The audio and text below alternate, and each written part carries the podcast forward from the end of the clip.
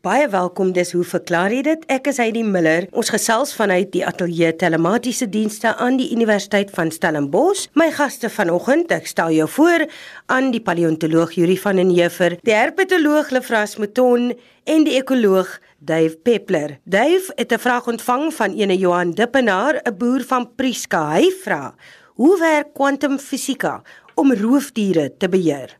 Dag uh, kollegas, Heidi en luisteraars. Nou ja, Johan het my verwys na 'n uh, webwerf met die naam van Agri Frequencies. Ek moet erken met die eerste oogopslag het my mond oopgehang dat ek in my ganse lewe nog nooit van so iets gehoor het nie, maar kom ons kyk 'n bietjie wat Agri Frequencies doen. Hulle missie is om skadelike um, organismes op jou plaas te beheer deur wat hulle noem quantum entanglement nou waar is Hendrik Geier my uit te help maar ek vermoed dit is quantum verstrengeling.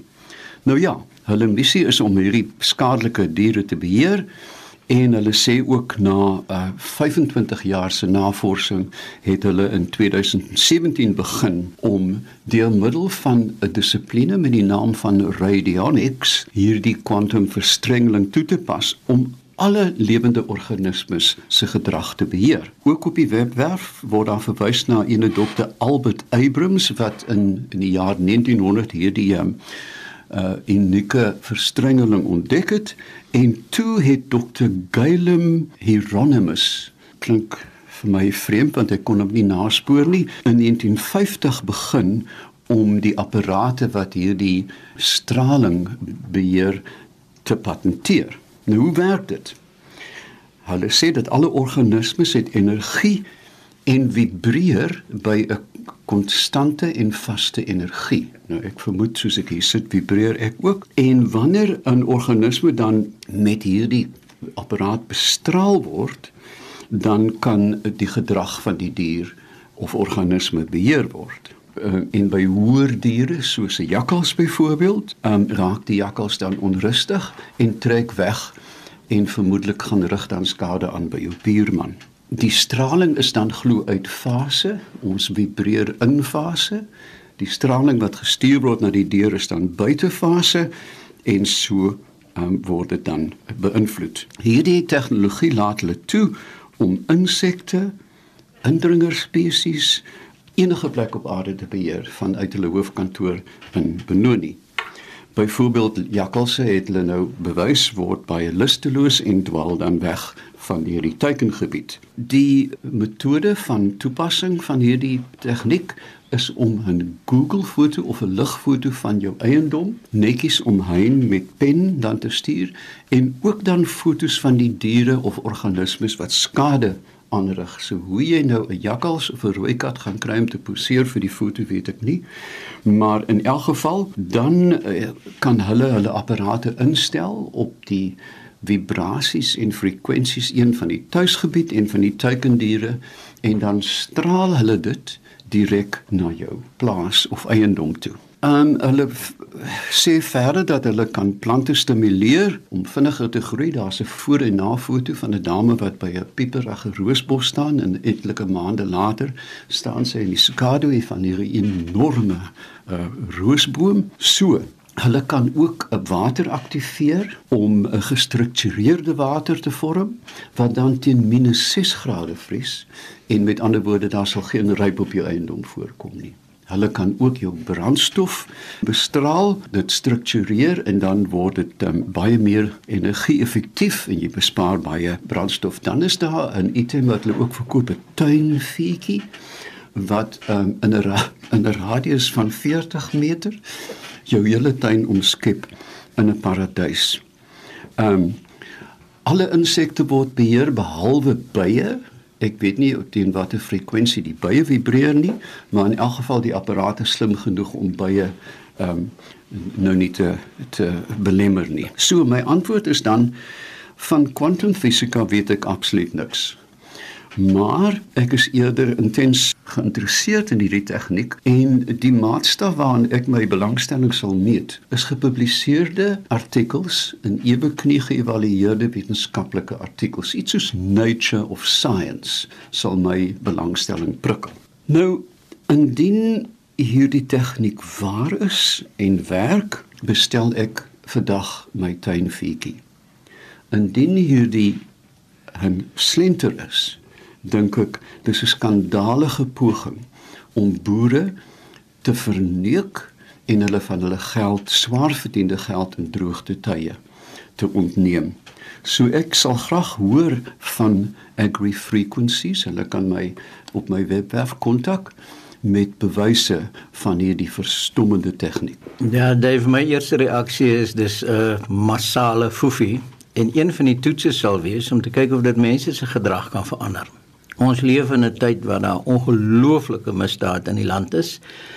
Kitsbanke byvoorbeeld word geteken. So hoekom bestraal hierdie mense net die gebied rondom kitsbanke? in uh, sekere tyd in die oggend vroeg in die oggend en dan uh, kyk ons of die misdaad afneem. Ja, Juri, jy, jy kom met 'n baie oorspronklike gedagte, mens kan dit uitrol um, met uh, misdaad teen vroue, verkrachtings, die probleme op die Kaapse vlakte, want ek is seker van die hele kaboedel, die hele die bendes vibreer almal daarvan, is ek seker. So um, ek sal met belangstelling die reaksie van hierdie um, tegniek afwag. Jy het gesê die die boer of wie ook nou al moet fotos stuur van die die probleemdiere. Nou ek kan nie sien hoe kan hulle dan nou op grond van 'n foto wat net papier is enigsins uh jy weet afleidings. Ja, Lefras die, uh, die die dier kan ek nog verstaan want dit kan jy inskandeer en met intelligente programme uh kan jy dit herken soos die bekende uh, gesigwaarneming, net face recognition. Maar om 'n Google beeld op 'n stuk papier in 'n koevert te sit en dan te verwag dat dit afgetas moet word deur 'n um, apparaat klink vir my verregaande. Net een vraag van my kant af, Dave. Sou jy sê dat daar mense is wat vasglo dat dit wel kan gebeur? Ek het nie die geringste twyfel dat 'n um, 'n groot aantal mense reeds heel moontlik uit desperaatheid aan hierdie skema of stelsel deelneem nie.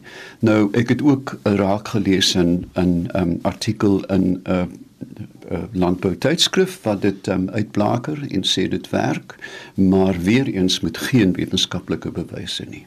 Ons sê dankie aan Dave Peppler. Jy luister na Hoe verklaar jy dit saam met my Heidi Miller. Yuri is volgende en sy vraag lei as volg. Dit kom van Ben Cronje en Ben skryf: Ons hoor gedurig deesdae dat as die wêreld se ys smelt, sal die wêreldkaart daar anders uitsien as vandag. En dan sê hy: Hierdie is wat vandag meerendeels geglo word as die toekoms wat vir ons wag, sou ons nie onmiddellik ons koolstofproduksie staak nie. My vraag is vandag: 1, is dit waar? 2, is dit die absolute toekomstige werklikheid? 3, weet ons werklik genoeg van die weerdinamika van die aarde om sulke absolute stellings te kan maak? En 4, is die rekenaarprogramme wat hierdie scenario's voorspel werklik so akkuraat? Goeiemôre Heidi, kollegas en luisteraars. Op grond van die vrae wat jy gevra het Ben, is dit waar dat daar wel 'n uh, eh, verandering in seevlak gaan gebeur met aardverwarming. Dit is waar. Ja, dit gaan gebeur. Is dit die absolute toekomstige werklikheid? Ek sou sê nee, want niks is finaal absoluut nie. Dat dit wel gaan gebeur, dink ek is waar. Maar dit is uh moeilik om met baie van hierdie berekenings absolute waardes nou al toe te ken. En dan gesels jy oor weer dinamika. Nou ek dink nie dit is eintlik 'n kwessie van weer dinamika nie, want uh die hoeveelheid ys op aarde is bepaal. Die volumes daarvan is bepaal en ons weet hoeveel water ys produseer wanneer dit smelt. Tweedens is al die kontinente gekarteer, die uh, hoogste berge, hoogte bo seevlak, dit is alles gedoen. So eintlik hier het ons te doen met 'n hoeveelheid water wat by die oseaan gevoeg word en dan styg tot 'n sekere hoogte. So dit ek dink nie vir die mense wat dit uitgewerk het, is dit so 'n moeilike berekening nie. Ek dink die data daar is redelik goed verantwoord. As 'n mens nou dink dat die rekenaarprogramme waaroor jy vra uh of hulle werklik bestaan. Ek dink mense moet 'n bietjie terugsit en net reflekteer en sê maar die rekenaarprogramme en wiskundige modelle wat die mense nou al uitgewerk het, stel hulle in staat om 'n vuurpyl van die aarde af te skiet, berekeninge te maak dat die vuurpyl sê maar na 3 jaar op 'n spesifieke plek op Mars gaan land. So daardie soort berekeninge en tegnologie en modelle is inderdaad baie akkuraat. So uh, um, ek dink nie ons hoef te twyfel aan die aan die rekenaar programme nie. As ons dink aan die oseaan, dit word elk geval groter uh as gevolg van smeltende ys en dan is daar natuurlik die ander kwessie van termiese uitsetting van water. Ehm um, soos dele van die oseaan verwarm, uh, sit dit uit die water raak minder dig en dit kan natuurlik ook die uh, hoogteverskille in die oseane uh, aanteken. Maar daar is 'n organisasie met die naam van die IPCC, dit is so 'n interregeringspaneel uh, wat kyk na klimaatsverandering. En as hulle mense kyk na hulle data, is hulle 'n redelike konservatiewe klomp. So baie van die goed wat vir ons aangegee word is eintlik aan die konservatiewe deel van die skaal. Hulle gaan nie soos hulle sê oorboord met die data nie. So hulle berekeninge is eintlik uh redelik konservatief. Op grond van die vrae wat jy gevra het, dink ek, kan ons aanvaar daar gaan 'n stygings in die seevlak wees indien die ys smelt. Maar nou het jy 'n 'n ander uh, vraag wat jy bygesit het want die National Geographic het scenario's uh, geskep waar al die ys gesmelt het en dan uh, word sekere van die landdele nou onder water. En jou spesifieke punt van belangstelling is nou wat gaan met Antarktika gebeur want dan is Antarktika nou ysvry en daar is sekere dele van die grondgebied onder Antarktika ons weet daar is uh, die noordpool nou nie uh, grondgebied onder die ys nie. En dan beweer jy dat hierdie inligting is alreeds bekend gewees baie baie jare gelede. En die voorbeeld wat jy noem is die wêreldkaart wat ehm uh, saamgestel is deur so ehm um, Ottomans Turkse generaal rondom 1513 uh, met die naam van Piri Reis. Die kaart is geteken op die gebruide vel van 'n wildsbok 'n gasel en die grootte wat ons vandag weet is tussen so 90 cm by 60 cm. Die kaart is op 'n stadium stukkend geknip of verdeel of wat ook al. So die stuk wat ek nou na verwys het is al wat vandag nog bestaan. Dit is ongeveer 'n derde van die oorspronklike kaart en dit wys die uh Weskus van Afrika en die op daarna die Mediterrane kant toe en dan die Ooskus van eh, veral Suid-Amerika. Pierre Reis het erken dat hy die kaart saamgestel het uit omtrent ten minste 20 ander bestaande kaarte van die tyd waaronder ook Columbus se se kaart gebruik is vir die Karibiese eilande en die goed die kaart het verlore geraak in 1929 het soos jy ook opmerk het uh, Gustav Deismann die kaart ontdek hy's gevra om in die Topkapi museum in Turkye al hulle nie islamitiese wins aanwinste te gaan katalogiseer en toe ontdek hy die kaart. Wat mense op die kaart sien, die gedeelte wat oorbly is die Weskus van Afrika en die Spaanse kus is redelik akkuraat. Die Karibiese eilande word redelik akkuraat aangedui, maar die Noord-Amerikaanse kuslyn is heeltemal onwerklik. Dit lyk glad nie so nie en dit selfs baie swakker as ander kaarte van uh, daai selfde tyd. Nou die ooskus van Suid-Amerika is heeltemal verkeerd op hierdie kaart, want as mense nou kyk daarna van Rio de Janeiro af As jy na die kaart kyk, dan buig die Suid-Amerikaanse kontinent, die hele kontinent buig na regs met ander woorde in 'n oostelike rigting. En dis een soliede stuk 'n grondgebied. Nou is daar mense en ek dink uh, jy's hier by ingesluit wat hierdie gedeelte wat nou so wegbuig aanvaar dat dit Antarktika is. As dit Antarktika is, dan het ons al klaar weer 'n probleem daarmee want dit lê honderde kilometer noord van die werklike posisie van Antarktika en veel erger is die feit dat hierdie skynbare akkurate kaart toon nie die druikdeurgang aan nie.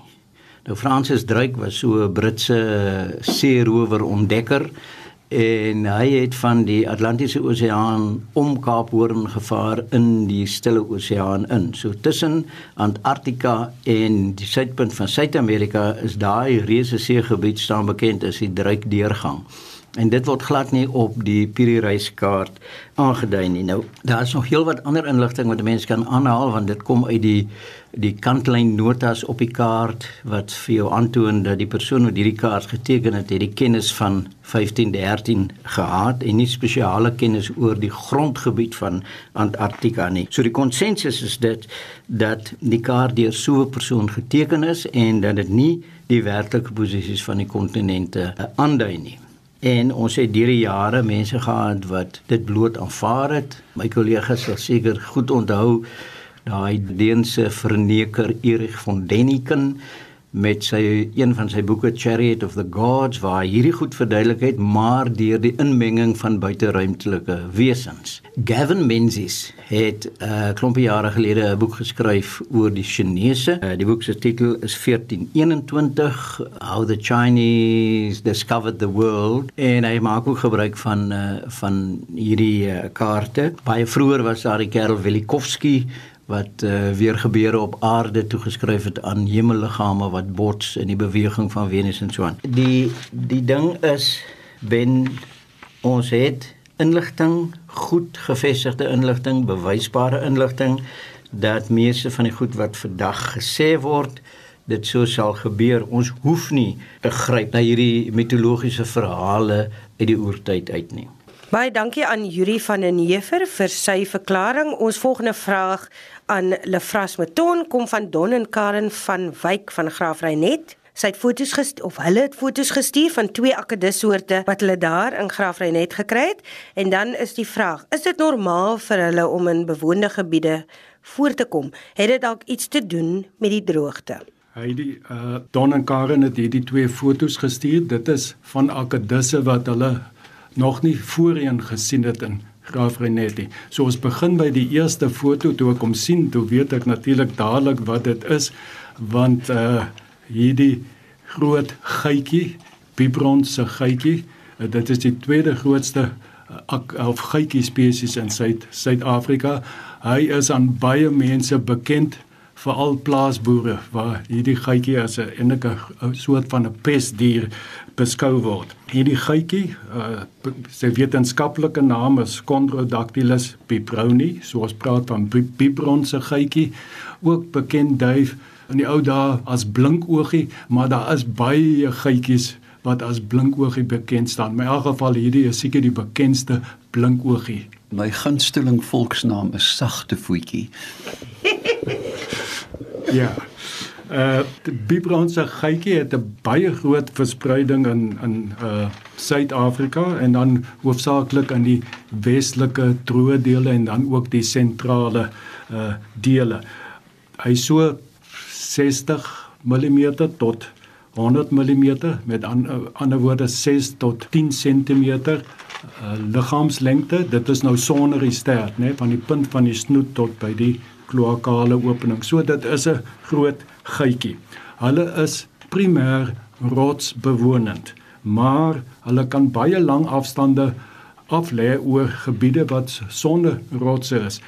Toe ons in die Tankwa Karoo uh, baie veldwerk gedoen het, dan kry jy daar 'n ou opstalletjie, 'n bouval eintlik. Dit is omring deur grys of vlaktes waar daar geen rotse is nie en dan is daar altyd sonder uitsondering sal daar bibronse geitjie wees. So hulle kan lang afstande af lê en ons weet wanneer hulle beweeg oor nou nie oor klippe nie, maar oor sand of grys, dan slaan hulle daardie hegkussentjies. Slaan hulle boontoe.